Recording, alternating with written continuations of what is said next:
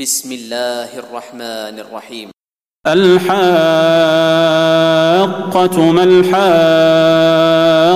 وما أدراك ما الحاقة؟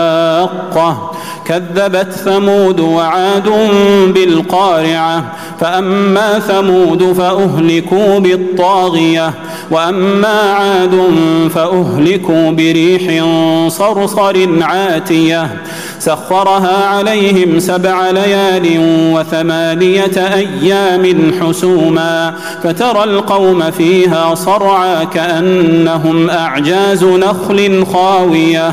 فهل ترى لهم من باقية وجاء فرعون ومن قبله والمؤتفكات بالخاطئة فعصوا رسول ربهم فأخذهم أخذة رابية.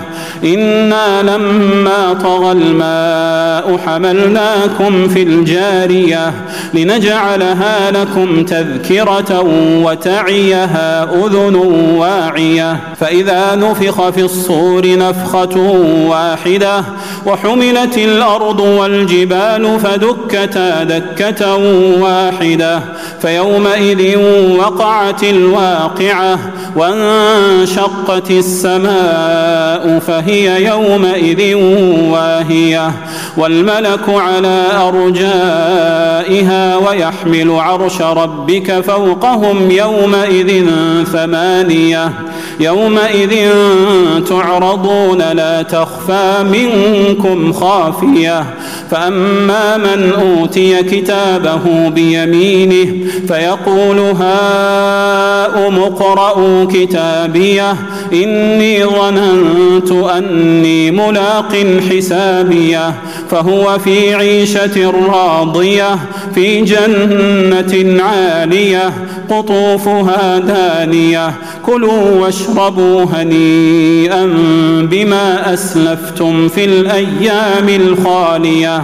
وأما من أوتي كتابه بشماله فيقول يا ليتني لم أوت كتابيه.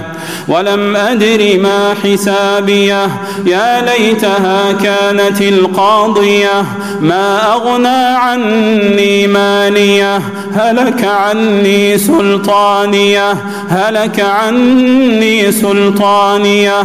خذوه فغلوه ثم الجحيم صلوه ثم في سلسلة ذرعها سبعون ذراعا فاسلكوه إنه كان لا يؤمن بالله العظيم ولا يحض على طعام المسكين فليس له اليوم هاهنا حميم ولا طعام إلا من غسلين لا يأكله إلا الخاطئون فلا أقسم بما تبصرون وما لا تبصرون. إنه لقول رسول كريم. وما هو بقول شاعر قليلا ما تؤمنون. ولا بقول كاهن قليلا ما تذكرون. تنزيل